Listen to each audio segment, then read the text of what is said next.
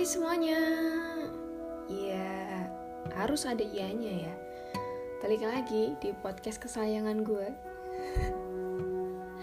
Karena memang gue suka banget sih. Akhir-akhir ini juga lagi banyak Banyak bingung mau buat ngapain Mau ngerjain apa selama Ya walaupun gue tuh gak work from home ya Cuman gue merasa bahwa dunia itu jadi makin sepi gitu loh mau ngelakuin apa gitu mau bertanam juga posisi gue lagi sebenarnya sibuk gitu. Hari ini gue mulai nge-podcast lagi. Uh, sebenarnya udah dari semalam sih. Gila. Jadi dari semalam tuh gue udah mau nge-record di kantor karena gue kan masuk shift malam ya.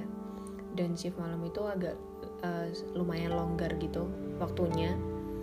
Jadi gue berusaha buat ih ngapain sih daripada gue cuman YouTube kan nggak jelas nontonin apa gitu kan. Karena gue sebenarnya hampir satu hari kemarin tuh ngebaca buku yang uh, lumayan membuka mindset gue tentang sesuatu hal yang gue lihat sebelah mata dulunya.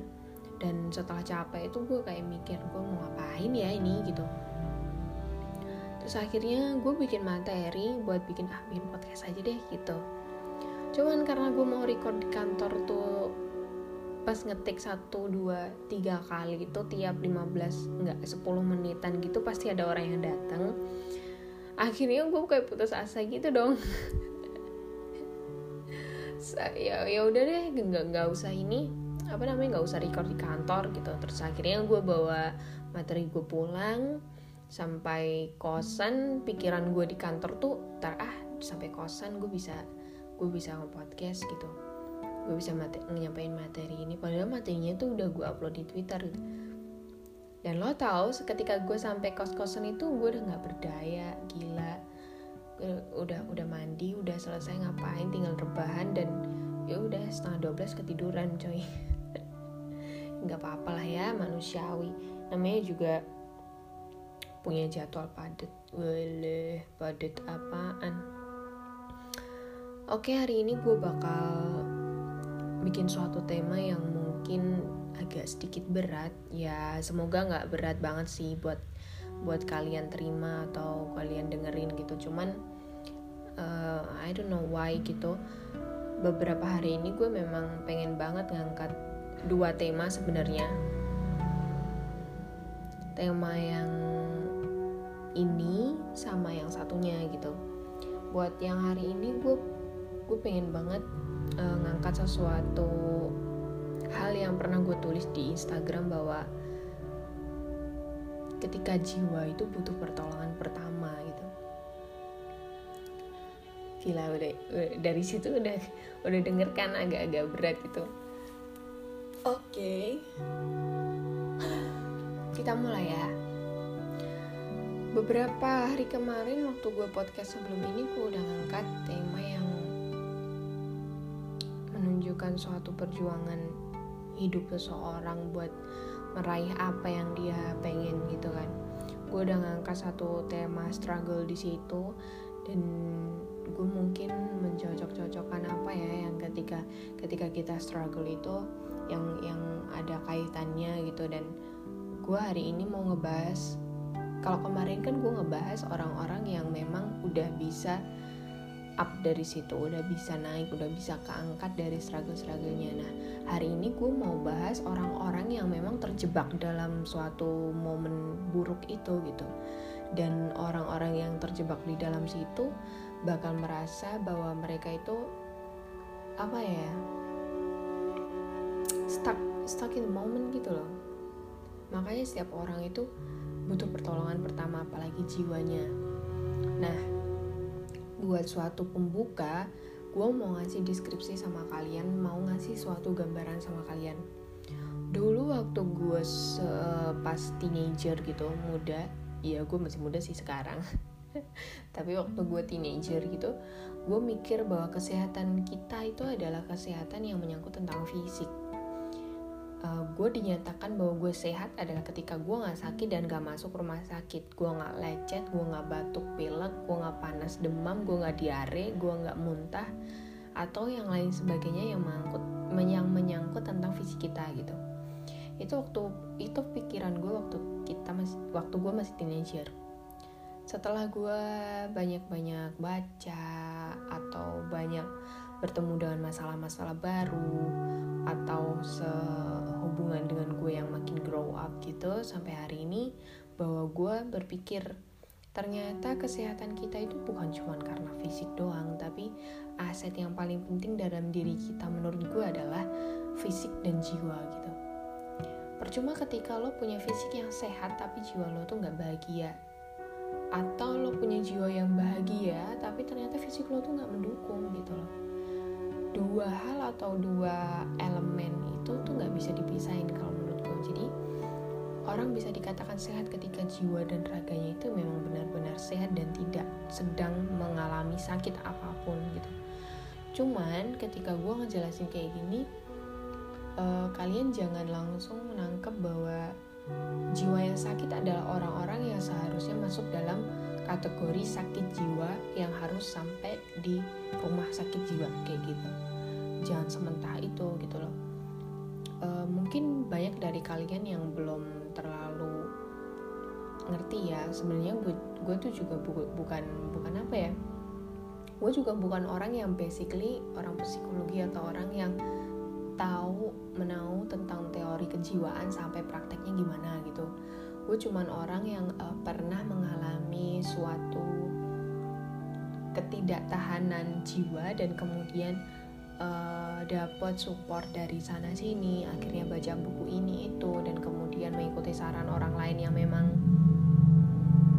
kayaknya gini ya selalu selalu ada suara motor tapi nggak apa uh, selalu ya dapat dapat opini atau dapat pendapat dari orang lain untuk melakukan hal ini itu ketika gue lagi merasa down gitu gue di sini bicara sebagai seorang yang pernah mengalami ya. Jadi gue berusaha untuk sharing pure apa yang gue alamin dan apa yang orang-orang mungkin rasain yang ceritain yang diceritain ke gue juga. Jadi misalkan kalau uh, someday ada seseorang yang dengerin podcast gue dan intinya dia apa ya dia seorang yang ahli dalam bidang kejiwaan mungkin kalau ada salah kata atau salah ungkapan atau mungkin salah apa ya salah ucapan mengenai sesu, uh, sesuatu gitu bisa gue dikritik atau gue dikasih saran atau mungkin gue dikasih penjelasan bahwa yang bener tuh kayak gini loh pernyataan lo yang kemarin itu salah gitu.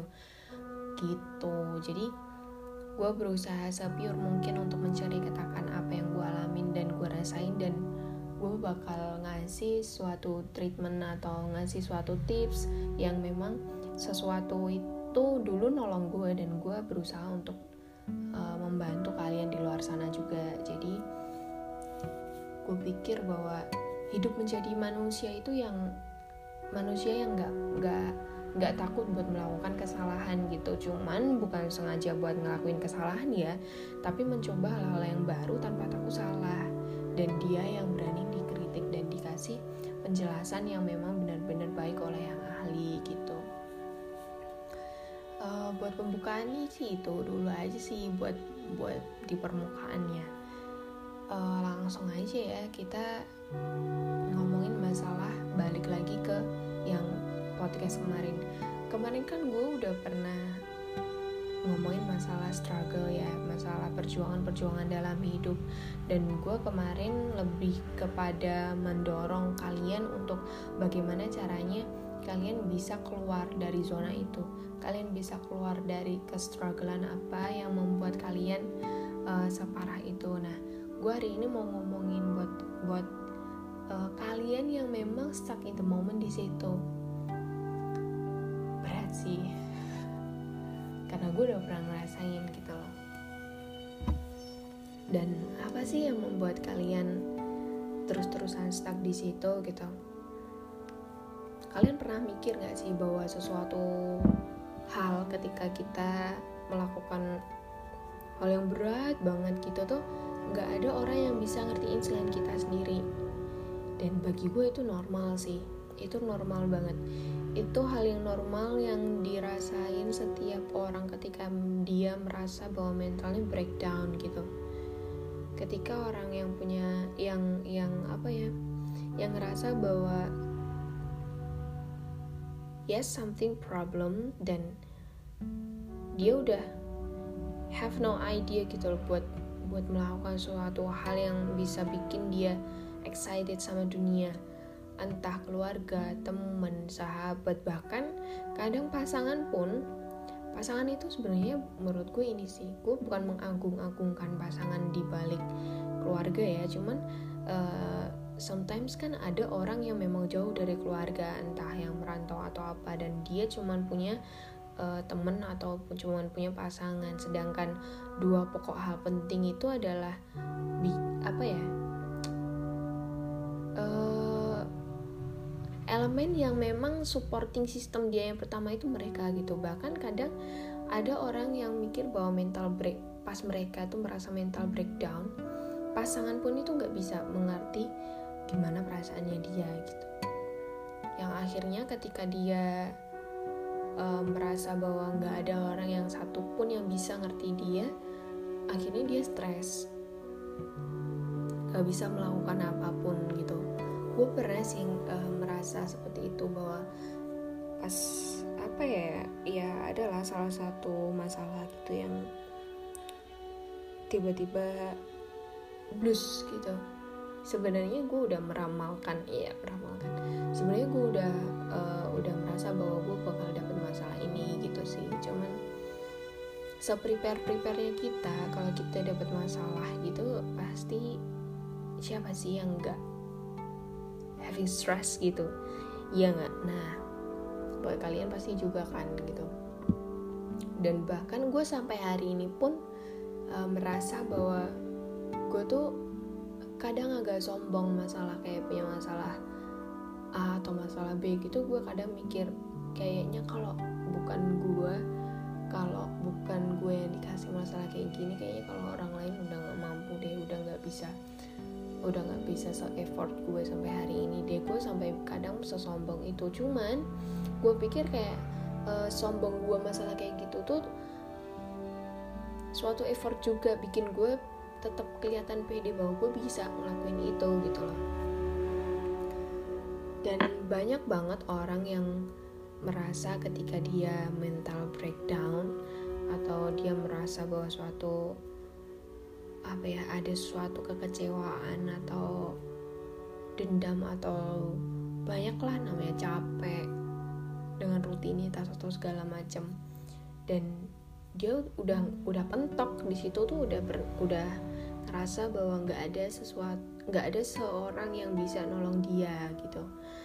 Yaitu tadi entah dalam konteks keluarga teman sahabat pasangan atau siapa pun bahkan uh, eh, gue tuh pernah punya hmm, apa ya punya pengalaman mental breakdown yang sampai fase gue tuh kenal sama teman gue yang kuliah di psikologi walaupun gue nggak terlalu deket dan walaupun dia juga belum lulus tapi kayak udah semester akhir gitu dan gue curhat sama dia. Dan bagi gue dia orang yang kompeten dalam bidangnya pun gak bisa ngertiin gue gitu loh. Dan itu adalah ya apa ya itu balik lagi ke kita sih. Bahwa orang yang merasa down itu biasanya memang tidak merasa cukup ketika dia cuman uh, curhat tanpa ada solusi yang jelas gitu loh. Kalau kalau di pikirannya orang yang pas mental breakdown tuh mikirnya gini sih apa sih yang bikin mereka tertutup sampai setertutup itu sampai nggak mau cerita apa pun karena menurut gue gini ngapain sih cerita kalau seumpamanya cerita itu nggak bikin uh, dia jadi mikir lebih jernih atau orang yang diajak cerita itu nggak bisa mensuggest uh, si pelakunya yang punya masalah buat melakukan hal-hal yang lebih baik lagi. Seenggaknya kalau nggak bisa ngasih solusi itu berusaha meringankan dengan cara memotivasi gitu loh kadang banyak orang yang mengeluh bahwa ketika dia uh, apa ya ketika dia curhat sama orang gitu mereka nggak dapat solusi mereka nggak dapat pencerahan mereka nggak dapat motivasi tapi mereka malah justru dibuat lebih berat dengan dengan segala argumen yang menurut mereka itu jauh lebih baik daripada apa yang mungkin sudah si pelaku lakukan gitu. Dan menurut gue ya ya itulah itulah kelemahan manusia bahwa setiap manusia itu nggak bisa nggak bisa seperti itu gitu loh. Makanya ketika ada orang yang mental breakdown pasti mereka memilih untuk keep it to me gitu. Kayak ya udahlah nggak usah cerita sama siapa pun selagi gue mampu untuk mengurusnya sendiri ya biar gue di sendiri sih yang ngurus gitu. Cuman uh, menurut gue ketika orang memutuskan untuk keep it to me gitu resikonya cuma ada dua. Dia bisa bangkit atau dia malah lebih stuck di situ dan jauh lebih dalam lagi ngerasainnya dan lebih stres lagi gitu. Nah di sini gue bakal ngasih uh, apa ya ngasih gambaran sama kalian dulu pernah ada sih yang nanya di uh, yang nanya sama gue temen gue yang nanya bahwa bilang bilang kayak gini. Apa sih? Uh, kok lo bisa sih gitu? Se sekuat itu menghadapi menghadapi semua kenyataan gitu. Dan lo bisa keluar dari situ lo bisa bangkit dari situ lo bisa memulai hidup yang lebih baru ketika lo udah separah itu gitu. Dulu waktu gue mental breakdown waktu gue punya masalah yang bener-bener udah bumpet udah baal banget gak bisa di selesai dengan cara apa pun dan kemudian selesai dengan sendirinya walaupun itu bukan kayak selesai menurut kehendak gue atau planning gue gitu. Gue merasa kayak capek kayak lost control kayak dendam banyak kecewa kayak kayak gitu. Dan kemudian hmm, itu kayak impact ke gue tuh buruk banget. Gue sampai nggak bisa ngapa-ngapain sampai nggak bisa kerja eh, nggak uh, selera makan nggak bisa tidur sampai hampir separah itu gitu loh. Sampai gue konsul sama temen gue pun juga percuma walaupun temen gue juga anak psikologi gitu dan akhirnya gue uh, dikasih dikasih tahu gitu sama temen buat uh, ngebaca uh, beberapa buku atau beberapa literatur video artikel atau segala macam yang berhubungan tentang kesehatan jiwa. Nah dari situ gue lebih sadar bahwa gue bisa bahagia kalau jiwa gue juga ikutan bahagia gitu loh. Gue mau sampai kapan sih stuck di sini gitu? Akhirnya gue kenal sama yang namanya self healing pasti dari kalian di luar sana dengar self healing itu sesuatu hal yang gak asing sih sebenarnya. Walaupun menurut kalian uh, kalian gak terlalu ngeh sama apa yang disebut sama self healing gitu. Self healing itu apa sih? Self healing itu menurut gue kayak proses buat nyembuhin diri dari segala macam keburukan atau luka batin yang pernah kita alami gitu. Dari mulai yang kesedihan ditinggal orang yang paling kita sayang atau mungkin dendam sakit hati merasa yang paling di bawah capek dengan segala rutinitas yang kita lakuin bosen. Bosen tuh bosen bukan yang bosen biasa ya bosen yang berkepanjangan gitu. Bosen yang sampai uh, membuat kita memaksa bahwa gue tetap melakukan rutinitas ini karena butuh walaupun gue tuh bosen banget. Kayak gitu. Dan banyak hal banget sih yang bikin kita tuh sebenarnya uh, dapat luka batin. Apalagi kalau kalau zaman zaman zaman sekarang itu banyak kayak hate speech. Terus apa ya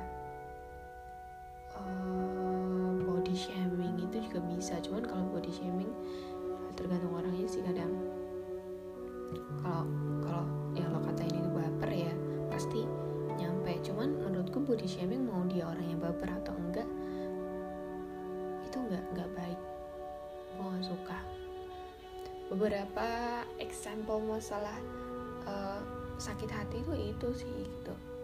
Nah apa sih yang yang bikin gue tertarik untuk self healing gitu? Balik lagi bahwa waktu gue mental breakdown dan itu nggak cuma sekali waktu gue merasa bahwa gue mas uh, gue terlalu di bawah dan gue jatuh yang sedalam-dalamnya gue merasa bahwa nggak ada orang yang ngerti selain gue nggak ada orang yang ngeh sama keadaan gue sekarang ini selain gue sendiri karena gue yang bisa baca hati gue gue yang bisa baca pikiran gue dan cuman gue yang tahu gimana mau gue gitu loh. Jadi gue nggak pernah nyalahin orang lain atau bahkan nggak mau untuk meminta pertolongan orang lain. Cuman gue tipe orang yang dulu yang yang bukan dulu sih cuman gue tipe orang yang sebenarnya ketika punya masalah itu gue mikir seribu kali buat cerita sama orang lain. Kalau memang dia bukan orang yang skala prioritasnya tinggi gitu di hidup gue bahkan orang yang skala prioritasnya tinggi di hidup gue kayak keluarga pun kalau gue nggak mau cerita ya gue nggak akan mau cerita gitu. Gue sudah menilai bahwa semua yang ada di pikiran dan hati gue itu cuma gue yang tahu. Sekarang siapa sih yang tahu sama pikiran kita? Masa ada orang yang uh, tiba-tiba baca pikiran kita oh lo mau mau lo tuh gini ya gini gini gini gini gini. Kan nggak ada gitu dan gue bukan tipe orang yang suka untuk menceritakan masalah pribadi gitu. Akhirnya setelah gue lama dikasih saran sama beberapa teman-teman gue akhirnya gue mulai mengenal yang namanya self healing tapi karena gue tuh orangnya agak-agak bukan agak sih tapi karena memang gue kan kerja dan sibuk akhirnya gue melakukan self healing sendiri tanpa uh, dampingan dari orang yang lebih profesional atau kayak psikiater gitu. Kalau zaman sekarang kan banyak ya self healing praktek self healing yang yang dilakukan oleh psikiater gitu. Kayak di dalam ruangan meditasi dan lain segala macam. Itu gue semua lakuin sendiri dan dan lumayan banyak impactnya ke gue gitu loh. Terus apa sih yang biasanya lo lakuin gitu ketika lo self healing gitu? Banyak sih selain me time. Kalau me time udah pastian ya gitu. Siap orang yang stres biasanya mereka punya uh, punya fase punya waktu untuk membutuhkan untuk sendiri menjauhkan diri dari segala macam sesuatu yang entah bikin dia kacau kayak pegang handphone atau ketemu sama orang itu pun bikin dia itu bisa kayak kacau gitu loh. Gue suka heran dulu sebelum sebelum gue melakukannya sendiri atau sebelum gue ngelakuin hal itu gitu.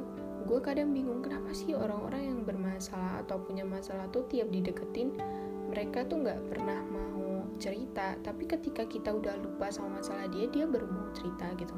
Ya itu itu tandanya mereka memang mengembangkan yang namanya me time. Jadi mereka tuh punya hak untuk sendiri punya hak untuk menjauh punya hak untuk uh, mengurung diri dulu mengintrospeksi dirinya mereka sendiri dulu. Gimana sih gue belakangan ini? Kenapa sih gue kayak gini? Dan ya macam-macam kayak gitulah gitu. Tapi selain me time dulu gue juga mengembangkan untuk belajar ngomong sama diri gue sendiri bicara sama diri gue sendiri dulu ya percaya nggak percaya. Sampai sekarang pun ketika gue kayak um, merasa down atau merasa apa gue tuh sering ngomong sama diri gue sendiri. Ya ngomong kayak gini nggak ngomong dalam hati. Gue ngomong lo lo kenapa sih kok kayak gini? Gitu. Atau lo kenapa sih nggak bisa mikir lebih jernih lagi? Atau apa sih yang lo mau dari diri dari diri lo? Gitu. Ketika gue nggak bisa ngomong sama diri gue sendiri secara langsung kayak gini gue biasanya nulis tetap karena solusi di hidup gue cuma ngomong sendiri nulis. Udah itu doang. Entah nulis dalam handphone atau nulis dalam uh, kertas apa karena gue sebenarnya nggak punya diary ya. Gue terus suka diary karena gue tuh sering lupa naruhnya. Jadi daripada dibaca sama orang gitu kayak kayak gitu gitu. Tapi hal itu hal itu yang bikin gue kayak merasa uh, bangkit 20% dari 100% gue terjatuh. Itu aspek yang lumayan ampuh sih buat bicara sama diri sendiri gitu. Karena kita kan kayak kayak ngajak omong diri sendiri gitu mau lo tuh apa? gitu. Gimana caranya buat hati gue tuh ngertiin jiwa gue buat mau lo tuh ke depan kayak gimana dan apa yang harus gue lakuin gitu.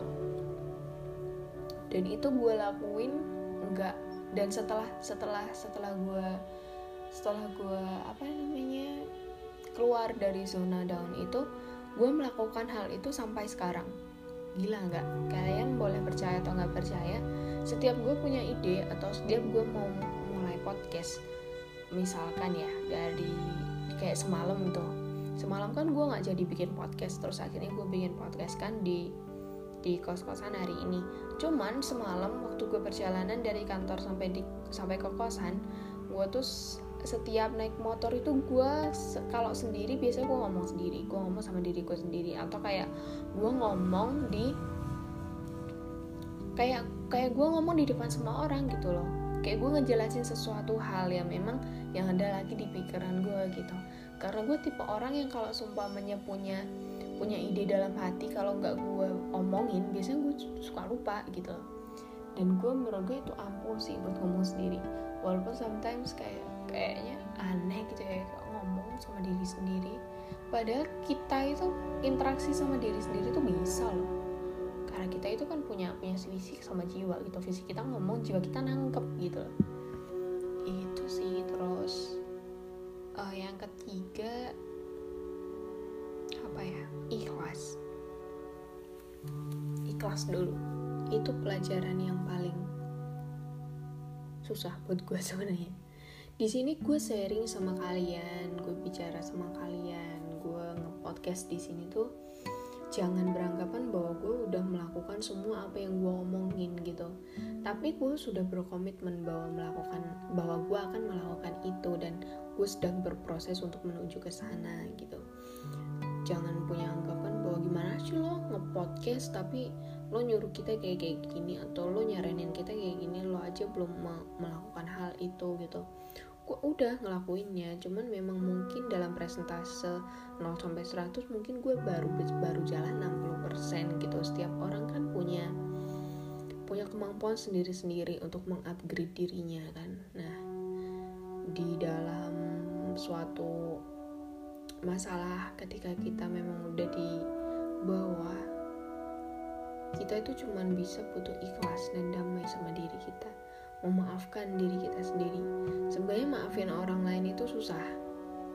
Banyak orang yang bilang kalau ada orang lain yang bikin salah sama kita berat itu susahnya maafin dia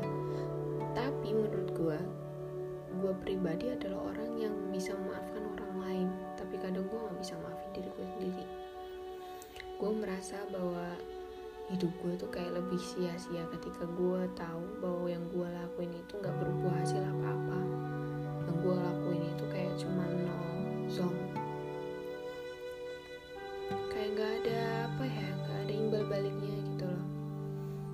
udah ngelakuin segitu banyak gue udah ngelakuin segitu berat tapi ternyata apa yang gue dapat bukan bukan suatu hal yang setimpal gitu kunci hidup di mana jiwa kita itu sehat adalah hidup dengan ikhlas dan damai dalam keadaan apa pun.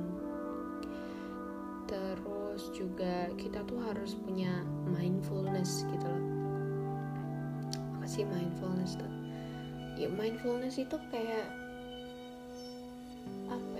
mengisi pikiran kita itu sama suatu hal yang positif terus. Ada orang yang bilang bahwa pergaulan itu me, apa ya me, memberikan dampak sama kita ya emang benar ketika lo bergaul sama orang-orang yang toksik yang punya pikiran selalu negatif ya lo bakal sama kayak mereka gitu loh kecuali kalau lo emang punya hubungan sama orang-orang yang selalu positif selalu mikir uh, baik selalu mikir uh, sesuatu yang dari beberapa sudut gak cuma satu sudut aja. Memperbanyak hal-hal yang kayak gitu biar kayak pikiran kalian itu gimana ya berkembang. Pikiran kalian itu nggak stuck di salah satu sisi aja tapi kalian juga bisa memikirkan hal-hal yang lain bisa memikirkan dari sudut pandang lain bisa selalu berpikir bahwa setiap kesalahan setiap dosa setiap sesuatu yang kalian rasa tidak cukup itu akan ada pengampunan. Setiap suatu kesalahan dan dosa itu selalu mendapatkan kesempatan kembali untuk memperbaiki semuanya. Kayak merasa seperti itu terus-terusan hari sih. Selain itu kalian juga bisa uh, apa ya lebih self compassion self compassion itu apa sih? Self compassion itu kayak gini loh. Kayak paham gitu loh sama diri kalian sendiri. Ya balik lagi bahwa kalian itu enggak kalian itu nggak gila kok ketika kalian itu bicara sama diri kalian sendiri. Cuman dalam konteks apa dulu ya? Kalau di dalam kalau di lingkungan umum apa kalau di depan umum kalian ngomong di sama diri sendiri ya pasti dipikir gila gitu. Cuman orang yang bisa bicara sama dirinya sendiri bisa bisa ngerti apa yang dia mau itu adalah mereka yang bisa mengembangkan yang namanya self compassion itu tadi. Self compassion itu ya paham gitu loh sama apa sih yang diri kita mau apa sih yang diri kita butuhkan apa sih sebenarnya yang uh, selama ini jadi masalah dan gak bisa keluar solusinya apa sih yang bikin gue tuh selalu kelihatan kurang di mata mereka? Atau apa sih yang bikin mereka tuh selalu menyudutkan gue gitu? Self compassion itu tapi beda ya sama introspeksi. Kalau introspeksi itu kan mencari mencari mencari baiknya dari diri kita. Maksudnya kayak buruknya kita dilepas baiknya kita dipertahankan eh, mengevaluasi diri sendiri itu lebih ke introspeksi. Cuman kalau self compassion itu kayak sebelum lo maham, memahami orang lain lo harus paham dulu isi hati lo atau kemauan lo buat hidup tuh apa itu loh. Yang yang diajarkan dari self compassion selain itu juga kita kayak merasa gini ada satu hal yang gue pahami beberapa hari belakangan bahwa jadikan penyesalan adalah suatu reason dan kekuatan baru. Dan gue minta tolong buat kalian semuanya buat diri gue sendiri juga bahwa ayolah kita hidup di masa sekarang gitu loh. Orang-orang yang pernah merasa mental breakdown akan memikirkan bahwa masa lalu mereka yang buruk itu adalah masa yang bikin mereka gak bisa bangkit, gak bisa berjalan, gak bisa lari lagi, atau mungkin masa lalu mereka itu menjadi penghambat mereka ketika mereka mau growing up. Gue pernah nulis kemarin kan, bahwa kita nggak bisa menentukan lima menit ke depannya kita gimana. Bahkan kita uh, pernah memplanningkan tapi pasti meleset juga. Kita juga nggak bisa mikirin lima menit ke belakang kita dengan dengan terus menerus gitu loh bahwa orang yang bersyukur adalah orang yang bisa hidup pada pada zaman yang hari ini dia lakuin gitu. Kadang melupakan itu ya butuh melupakan itu ya perlu bahwa bahwa memang masa-masa lalu itu ya harus dilupain gitu loh. Sejauh ini sih itu ya. Semoga kalian di luar sana bisa mengamalkan. Agak berat sih memang kalau ngomongin masalah kayak kayak gini gitu. Bahkan gue dari awal kenal namanya mental health sampai hari ini tuh gue kayak tiap hari masih baca atau masih cari artikel atau masih cari referensi. Bahkan gue sekarang malah seneng sama uh, vlognya Marsyad Marsyad itu Marsyanda vlognya Marsyanda Marsyanda itu kan memang difonis bipolar. Cuman gue lebih suka sama orang-orang yang memang sudah punya diagnosis sendiri dan gue belajar dari mereka gitu loh. Gimana caranya menjadi orang yang lebih baik dan gak sampai jadi kayak mereka gitu loh. Gue gue suka sih sama hal-hal yang kayak gitu. Gimana caranya kita jadi manusia yang benar-benar manusia yang pure punya pikiran yang bisa di uh, jabarkan. Nggak nggak melulu mikirin masalah perasaan tapi juga bagaimana kita mengolah realistisnya hidup sampai benar-benar uh, sadar bahwa kita itu berharga. Kita itu nggak nggak melulu harus sedih terus menerus atau kita itu nggak melulu harus uh, patah semangat patah arang dan ketika kalian itu lagi di bawah kayak kayak misalkan kalian lagi di suatu samudra dan kalian itu lagi di dasar samudra itu sedangkan yang di atas permukaan adalah orang-orang yang kalian cintai kayak keluarga, sahabat, teman, pasangan. Di sana mereka melambaikan tangan buat buat uh, ngajak ngajak lo buat supaya up lagi. Ayo, gua gua gua gua dorong, gua apa namanya? gua tarik dari sini gitu loh gue usahain buat lo supaya up lagi buat supaya lo tahu begini lo uh, indahnya dunia ketika lo tuh berada jauh di luar di dalam sana gitu buat kalian yang masih merasa down hari ini semoga kalian ngedengerin podcast gue merasa lebih baik atau mungkin punya ide baru dan malah mungkin bisa bermanfaat bagi bagi kalian gitu loh. Karena gue gue selalu mikir bahwa hidup hidup kita itu singkat banget coy. Apa sih yang mau kita kasih sama sama kita sama alam sama orang lain? Kalau bukan manfaat yang bisa memang kita kasih gitu. Gue selalu mikir bahwa walaupun buat podcast gue tuh kadang tuh abal-abal sebenarnya. Cuma buat asik-asikan aja cuman kalau gue punya ilmu dan bisa untuk disampaikan kenapa enggak itu aja sih. Dan semoga ketika ada orang yang memang dengerin podcast gue yang lebih kompeten dalam bidang hal ini kalau ada salah kata atau salah pengucapan atau ada salah persepsi gimana kalian bisa DM gue buat ngasih kritik atau saran. Dan semoga kalian di luar sana yang memang masih dalam keadaan